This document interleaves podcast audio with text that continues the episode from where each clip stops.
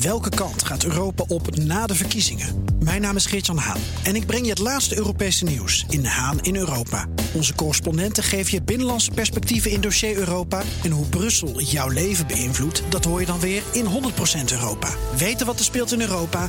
Luister naar de programma's van BNR. BNR Bouwmeesters wordt mede mogelijk gemaakt door Bouwend Nederland. De bouw maakt het. BNR Nieuwsradio. BNR Bouwmeesters. Jan Postma. Ja, voor wie was dit nou niet een jongensdroom? Hè? Of een meisjesdroom natuurlijk. Achter het stuur van zo'n enorme grote graafmachine... of zo'n ronkende, rokende bulldozer. Groot, meestal geel, in ieder geval in mijn uh, jongensdroom dan. En natuurlijk gruwelijk veel kracht. De nieuwe generatie bouwmachines, die ronken en roken een stuk minder... maar die kracht die blijft gelukkig wel. Ja, de bouwmachine van de toekomst is veel efficiënter. Hoe gaan die innovaties de bouw verder helpen? Daar gaan we het over hebben bij BNR Bouwmeesters... voor de bedenkers, bouwers en bewoners. Te gast Jan Hommes, directeur van. Ja, en nu, nu, moet ik even ademhalen, want het is een hele. De branchevereniging van leveranciers van bouwmachines, magazijnstellingen, wegenbouwmachines en intern transportmiddelen. Maar ik mag ook gewoon BMWT zeggen, toch? Laten we dat maar gewoon. Ja, doen. gelukkig, gelukkig. Boudewijn Warbroek, hoofddirecteur van bouwmachines.nl. Zo kan het ook. Die is lekker, lekker kort, hè? Lekker kort. Ja, daar houden en we begrijpelijk. Van. Ja, Jan Hommes. Uh, om maar even te beginnen. Uh, hoeveel bouwmachines hebben we eigenlijk in Nederland? Weten we dat? Nou, wie het weet mag het zeggen. Het lastige van die machines is, er zit geen kenteken op. Dus we hebben geen registratie. Ja. En we weten dus gewoon niet hoeveel er zijn. Dat is best wel gek, want het zijn hele dure apparaten natuurlijk. Het zijn hele dure apparaten over het algemeen, ja. En uh, nou ja, goed, degene die ze in bezit heeft, weet meestal wel hoeveel die er ongeveer heeft. Ja. Maar met elkaar weten we niet hoeveel er in Nederland zijn. En daarom uh, heeft u een brancheorganisatie samen met nog een paar partijen een, een petitie opgesteld, hè? Wij nou. hebben, we hebben vorige, vorige week een petitie aangeboden aan de vaste commissie Infrastructuur en Waterstaat. Met het verzoek te komen tot een kenteken op bouwmachines. Bouwmachines die toegang hebben tot de openbare weg. Dat zit er met name op het gebied dat het de veiligheid dan bevorderd wordt. Het is ook heel vreemd dat die hele grote machines op de weg kunnen rijden zonder dat daar een kenteken op zit. Elke snorfiets, scooter, pedelec, daar hoort een registratiesysteem op te zitten. En die grote machines die mogen vrij op de weg rijden. Ja, en is dat dan ook de belangrijkste reden dat er dus die kentekenregistratie moet komen? Dat dat gewoon veiliger is, dat we weten waar die verantwoordelijkheid ligt? Nou ja, eigenlijk in een notendop wel. Er zit een heleboel juridisch geregel achter vanuit Brussel en allemaal dat soort zaken. Laten we het daar vandaag vooral niet over hebben. dat is wel de aanleiding tot. Maar je merkt, acht brancheorganisaties hebben gepleit voor kentekening. Omdat we gewoon met elkaar zeggen, daar wordt het veiliger van. Daarmee is de toegang tot openbare wegen voor dat soort machines beter geregeld. Mm. Wegbeheerders kunnen ook makkelijker daar vergunningen voor afgeven. Dus dat helpt gewoon de sector om uh, hun verantwoordelijkheid te nemen uh, in een veilige deelname aan het verkeer. Ja, ja, ja, het is wel zo duidelijk natuurlijk. Nou, wij gaan het vandaag over die moderne bouwmachines hebben. Hè, over die laatste generatie. Die hebben GPS, die hebben vaak een schermpje om te swipen. En uh, ja, maar als ik naar de bouwplaats zelf kijk, dan denk ik ook van die dingen zien er al jaren hetzelfde uit. Maar goed, onder de motorkap is dus al degelijk wat veranderd. Dat zegt ook Bart Jansen van graafmachineverhuurder en dealer SMT. Deze machine is eigenlijk uitgevoerd met een stielfris tiltrotator. Waarbij je eigenlijk ook de GPS, machinebesturing, zijn gegevens haalt uit de tiltrotator. Zodat de machinist precies weet welke positie de bak heeft. En dat is belangrijk, want nou ja, in een uh, stedelijk gebied... daar wil nog wel eens een kabeltje onder de grond liggen. Nou, het is dus mogelijk om op bepaalde GPS-systemen... ook gewoon de kabels en leidingtekeningen uh, in te laden. Maar daar werpen we dan even een blik op. Die wordt hier nog ingemonteerd. In dit geval krijgt de machinist een touchscreen voor zich. Uh, werkt eigenlijk net zoals Windows. En kan hij gewoon eigenlijk uh, ja, makkelijk met zijn vinger over het scherm heen swipen... om uh, de juiste gegevens en de juiste aanzichten boven water te halen... en daarmee te gaan werken. Leuke upgrade. Ja, altijd weer nuttig. Een half verderop, uh, in een groot onderhoud, want hij wordt een beetje uit elkaar gehaald. En wat kan die? Dit is een Sennebogen uh, mobiele overslagmachine. Sennebogen is uh, al jaren bezig om machines verder te elektrificeren. En dat komt omdat overslagmachines vaak op één positie op bijvoorbeeld een, een haventerrein staan of op een schrootwerf staan. Dan kun je gewoon een verlengsnoer aanleggen. Ja, kan met een verlengsnoer, een grote haaspol. Maar uiteindelijk, de toekomst wil natuurlijk dat, het, dat alles helemaal elektrisch gaat, toch? De toekomst uh, wil dat het naar elektrisch gaat. Uh, onze fabrikanten zijn daar wel degelijk mee bezig. Alleen ze laten niet alles doorschemeren. Maar we zien al wel dat er prototypes worden gebouwd. Uh, zoals een volledig elektrisch aangedreven minigraven... waar geen druppel hydrauliekolie meer in zit. Oh ja, en de bestuurder ook niet zeker?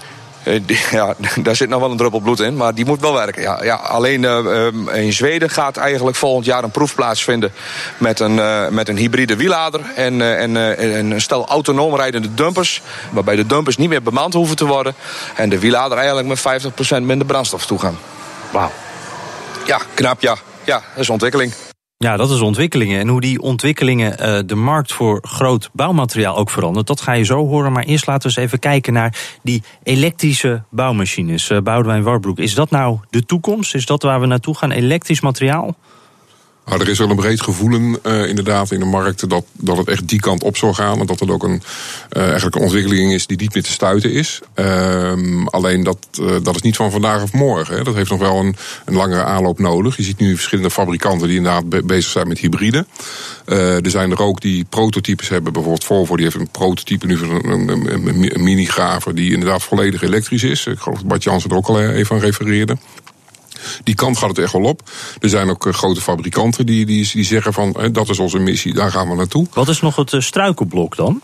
Nou, het struikelblok is bijvoorbeeld de batterijen, de accu's. je moet, als je zwaar, zeker als je zwaar werk moet doen, heb je natuurlijk, moet je verder kunnen. Ja. in het voorbeeld van die overslagmachines, die staan op een vaste plek. Dus die kun je inderdaad aan een, aan een snoer Ja, leggen. Dat ja. kan vaak met mobiele machines kan dat allemaal, kan dat niet. dus, dus ja, dat is met name heel belangrijk. Hè? De, de, de accu, zeg maar, de, de, het aantal uren dat je achter elkaar kan werken. Uh, en, en ja, en je hebt, op dit moment zijn er nog geen accu's die die hele zware machines überhaupt kunnen. Uh, waar die machines Ja, ja. kunnen draaien. Die, die hebben echt al meer kracht nodig dan Die dan die, accu's kracht. nu kunnen Precies, leveren. ja, ja. Eh, ja, Jan Hommers, eh, hoe ver zijn we hierin uh, voor jouw gevoel? Nou, we, wat je ziet is dat de markt heel erg optimistisch is. Iedereen denkt aan een elektrische auto en we denken dat alles elektrisch kan worden. Je ziet machines, zeker machines met veel vermogen, heb je enorm veel kracht nodig. Mm -hmm. nou, daar zijn op dit moment nog geen batterijen voor. Uh, het gaat wel die kant op, maar wat je ziet wel dat er eigenlijk veel dichterbij allerlei innovaties zijn waar naar gekeken wordt. Er komen hybride machines. Mm zijn dus machines waar een stuk energieterugwinning zit uit het zwinken, uit het draaien. Waardoor er dus weer ergens energie wordt opgeslagen, die weer ingezet kan worden, waardoor de machine efficiënter wordt. Dat is een beetje zoals met de Formule 1, waar we dan door het remmen wat energie. Dat, dat kan bij die bouwmachines. En, en hybride auto's ja. hebben dat ook. Dat kan met Ja, bouwmachines ja. Uh, relatief eenvoudig. Dus dat zie je gewoon wel gebeuren. En ik denk dat ook daar uh, op de korte termijn de grote winst gaat zitten. Gewoon vanuit de functie van de machine nu. Hoe kunnen we dat technisch slimmer doen, zodat hij gewoon minder uh, brandstof verbruikt per uur. Ja, is er nou ook nog een ander alternatief voor, voor elektrisch, uh, Boudewijn? Is, is dat misschien ook waterstof bijvoorbeeld? Ja, maar dat is, dat is nog weer een stap verder. Als je kijkt naar, uh, we hebben twee weken geleden met, uh, als bouwmachine samen met BMT een, een kennisdag georganiseerd. Mhm. Mm -hmm. uh, waar ook onder andere dit thema voorbij kwam.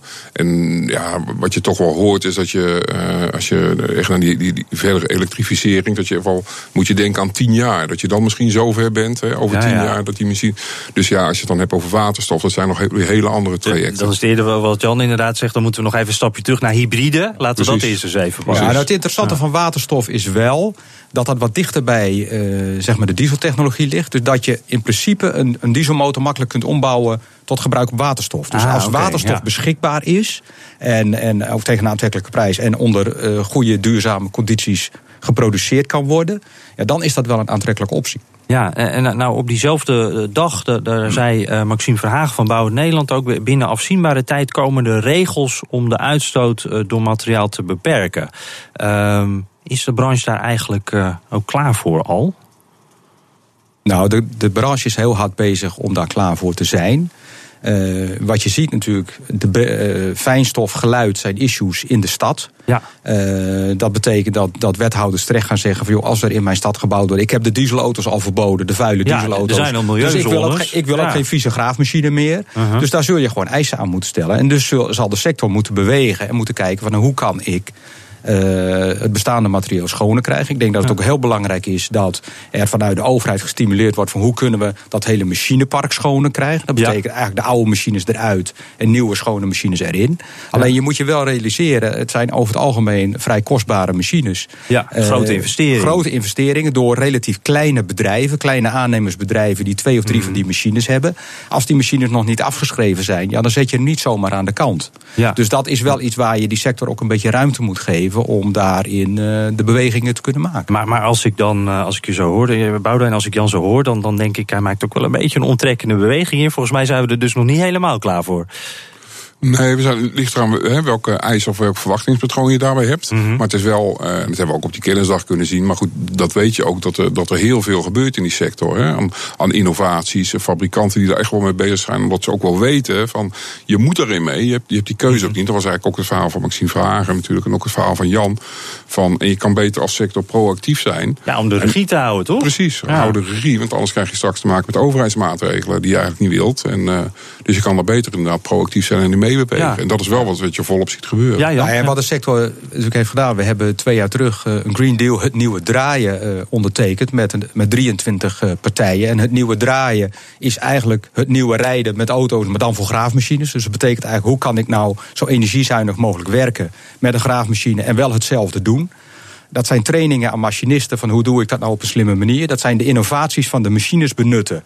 Uh, het idee van die rookpluim moet eruit komen. Nee, draai maar in de eco-modus. Zorg maar voor de optimale afstelling van de machine en benut hem ook op die manier. Ja.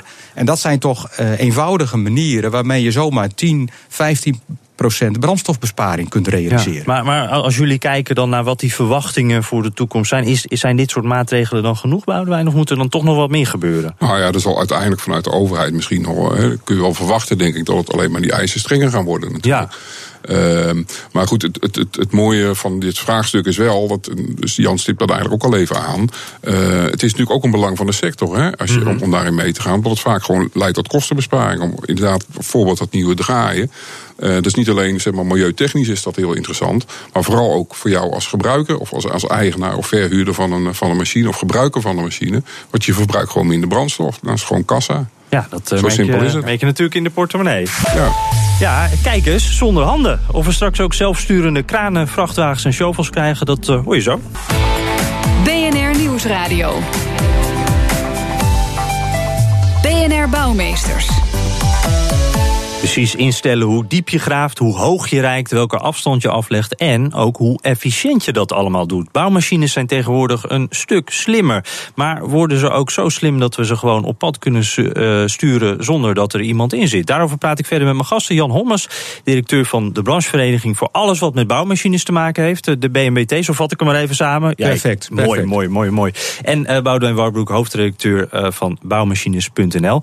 Eerst toch even terug nog op dat elektrische, want Jan, je zei net tijdens de, uh, tijdens de reclame, uh, dat kleinere materiaal. Daar moeten we het toch ook wel even over hebben, want daar is ook wel degelijk al wat aan het gebeuren. Ja, je ziet dus de, de kleinere, de bobcat-achtige machientjes, daar zijn er echt al elektrische varianten beschikbaar die ook eh, vier, zes tot acht uur kunnen werken. Dat is natuurlijk waar, uh, waar je in de bouw behoefte aan hebt. En je ziet dus dat als je naar die totale bouwplaat kijkt, kijk, die grote machines die zijn niet meteen elektrisch. Maar een heleboel daaromheen, aggregaten op, op, op zonne-energie, noem het maar op, kleinere machines, uh, elektrisch, waar eerder diesel was. Daar zie je echt wel grote stappen gemaakt worden mm -hmm. binnenkort. Zie je dan ook al dat, dat lessen uit die kleine dingen, dat, dat, dat die ook gebruikt worden voor de grote apparaten? Ja, natuurlijk. Dat, dat is natuurlijk vanuit die techniek is dat natuurlijk wel iets waar naar gekeken wordt. En iedereen probeert natuurlijk wel een beetje op te schalen. Van als het klein kan, kan het dan ook een slagje groter. Ja. En wat moeten we daarmee doen? Daar wordt zeer zeker naar gekeken. Ja, uh, wij naast uh, dat uh, milieuvriendelijker willen we natuurlijk ook steeds slimmere apparaten. Ik noemde het net al. Wat is nou echt iets waarvan jij onder de indruk bent van die laatste generatie bouwapparaten?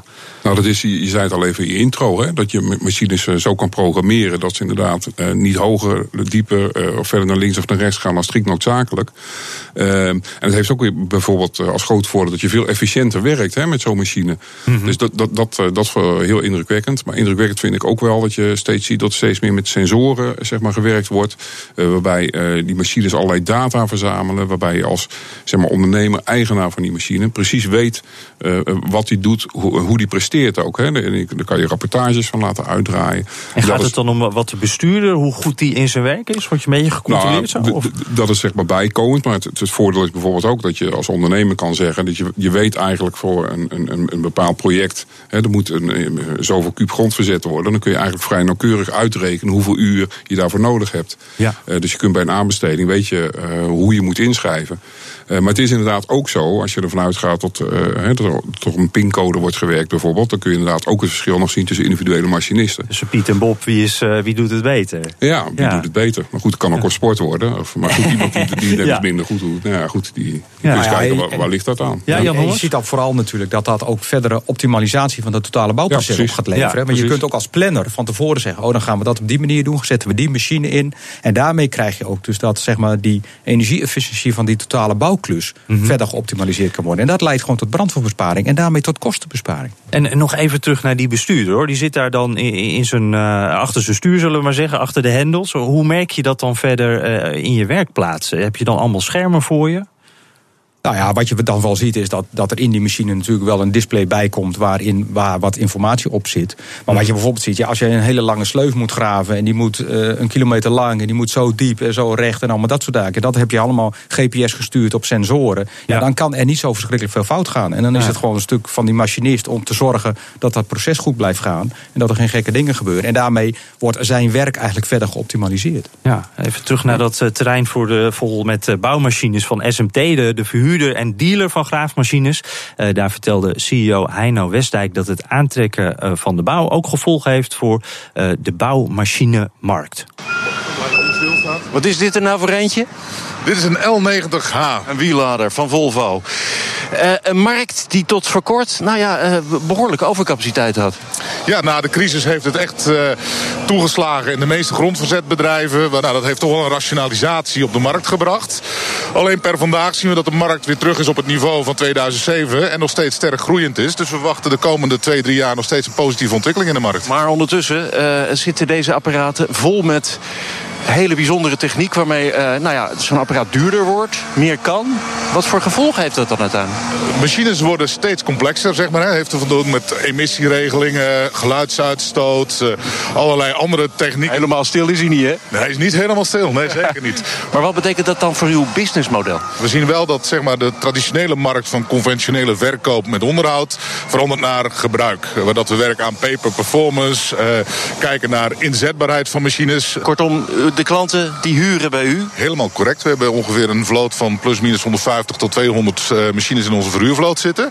En daarnaast zetten we momenteel gebruiksconcepten in de markt. Waar dat een klant zeg maar, zegt van ik wil een machine voor vier jaar of twee jaar van jullie hebben. En ik wil een mix van machines hebben om daadwerkelijk het werk uit te kunnen voeren. Zo'n kraanchauffeur die is gewoon een kraanchauffeur. Maar dat is zijn eigenlijk best wel eh, eh, mannen die wat te vertellen hebben.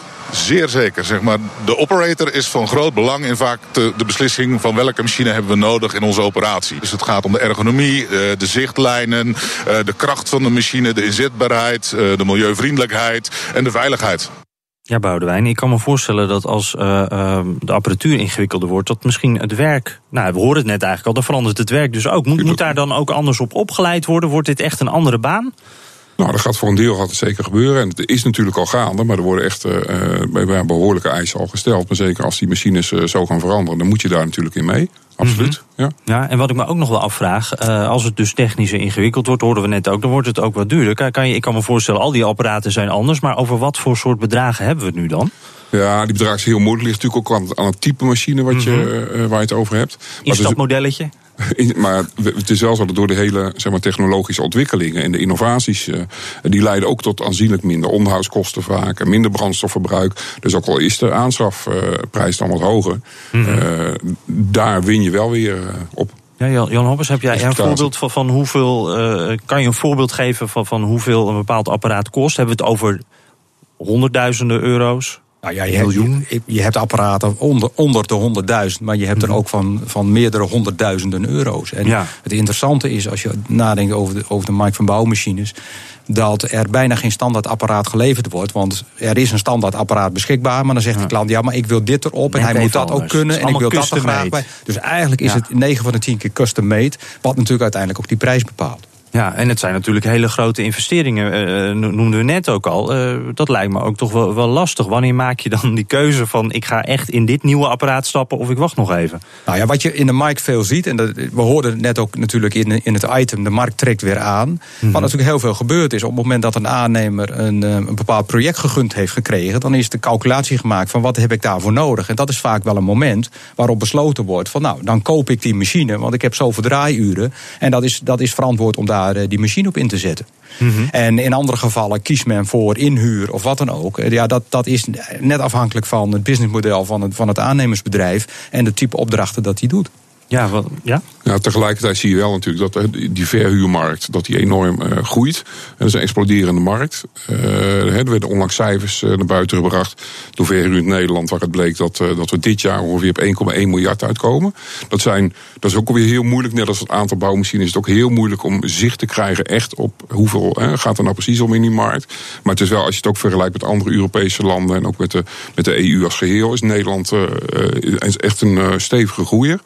Um, dit jaar is de verwachting 1,1 miljard, maar dat gaat doorgroeien naar 1,2 miljard de komende jaren. Heeft dus dat dan ook met die, die, grotere investeringen te maken dat bedrijven eerder gaan huren? Daar heeft het absoluut ook mee te maken. Net als Heino Westdijk net in het, in het item ook zegt. Hè, mm -hmm. dat, uh, de pay-per-use of uh, pay-per-performance. Ja. Ja, dus uh, Jan, ja, dat, dat, is, dat, dat, is, dat is een ontwikkeling die zie je natuurlijk in allerlei sectoren. En dat zie Ja. je in deze sector zie je dat ook komen. Dat men zegt van joh, kan ik daar een ander businessmodel op loslaten en hoe werkt dat dan uit? Ja. Nou, dank. Jan Hommers, directeur van de branchevereniging van uh, leveranciers van bouwmachines en dat hele rijtje verder nog, BMWT. En uh, Boudewijn Wouwbroek, hoofdredacteur van bouwmachines.nl. BNR Bouwexpo.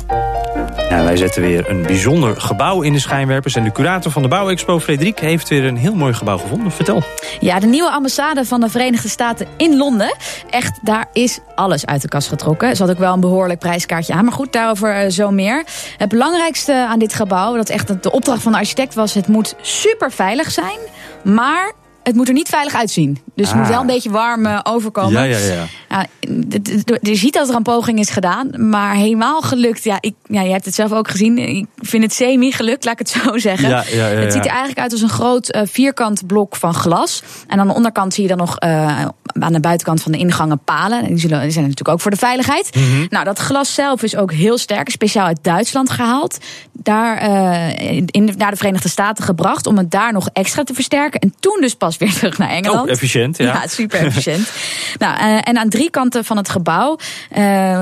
Aan de buitenkant van het glas zit er ook nog weer eens versterkt materiaal. Ja, en ik wist niet zo goed hoe ik het anders moest omschrijven. Het lijkt een beetje alsof het een zeil. Het heeft de vorm van de zeil van een zeilboot. Ja. En dat zit dan om eigenlijk helemaal in meerdere, in meerdere varianten, zeg maar, om dat hele buitenkantje heen, om het nog extra te beschermen. Wat de binnenkant er natuurlijk ook niet heel veel gezelliger van Nee, een maakt. beetje donker kan ik me voorstellen. Beetje donker. Nou, dan heb je aan de buitenkant heb je nog een heg. Die is uit een heg, maar die is ook weer versterkt. En dan daarachter zit, ja, ik vind het op een slotgracht lijken. Maar volgens de architect mogen we dat absoluut niet zo noemen. It is not a moat, um, but that was what the moniker was put on it at the outset of the competition. It's a pond. Ja, het is een Het is een vijver. ja. Laten we dan een gewoon een hele uit de kluit vijver noemen. Ja, die ook weer heel veilig is. Ja. Ik kan me voorstellen dat het eh, inderdaad wat gekost heeft... als je dat glas Ja. steeds over de oceaan Ja moet joh, bij elkaar 1 miljard dollar. Zo. Ja, en daarmee is het ook meteen de allerduurste ambassade ooit. Maar volgens ambassadeur William Moser ja, is het ook gewoon noodzaak. When we build an embassy, it's for a 50 to 100 year commitment. That's the nature of uh, the business that we're in. Ja, 50 tot 100 jaar moet het meegaan. Dus met een beetje massa, als hij 100 aantikt, kost het maar een miljoentje per jaar. Maar dan heb je wel een super beveiligde Ach, ambassade. ja, dat is nou een miljoentje per jaar. Hè. Eh, je kan hem eh, terugvinden volgens mij hè, op bnr.nl slash bouwmeesters met foto's en alles ook. Kan je zelf bepalen of het nou een vijver of, een, eh, of toch een, een eh, enorme slotgracht. eh, is. Eh, en je kan ons ook als uitzending terugvinden op eh, eh, iTunes of Spotify. En we zitten ook op Twitter. Dus heb je nog een tip voor ons of weet je een heel mooi bouwverhaal? BNR Bouw of mail naar bouwmeesters.bnr.nl. Dank voor het luisteren. BNR Bouwmeesters wordt mede mogelijk gemaakt door Bouwend Nederland. De bouw maakt het. Bij BNR ben je altijd als eerste op de hoogte van het laatste nieuws. Luister dagelijks live via internet. Bas van Werven. En heel langzaam komt de zon op rond dit tijdstip. Je krijgt inzicht in de dag die komt op BNR, het Binnenhof in Nederland en de rest van de wereld. De Ochtendspits. Voor de beste start van je werkdag. Blijf scherp en mis niets.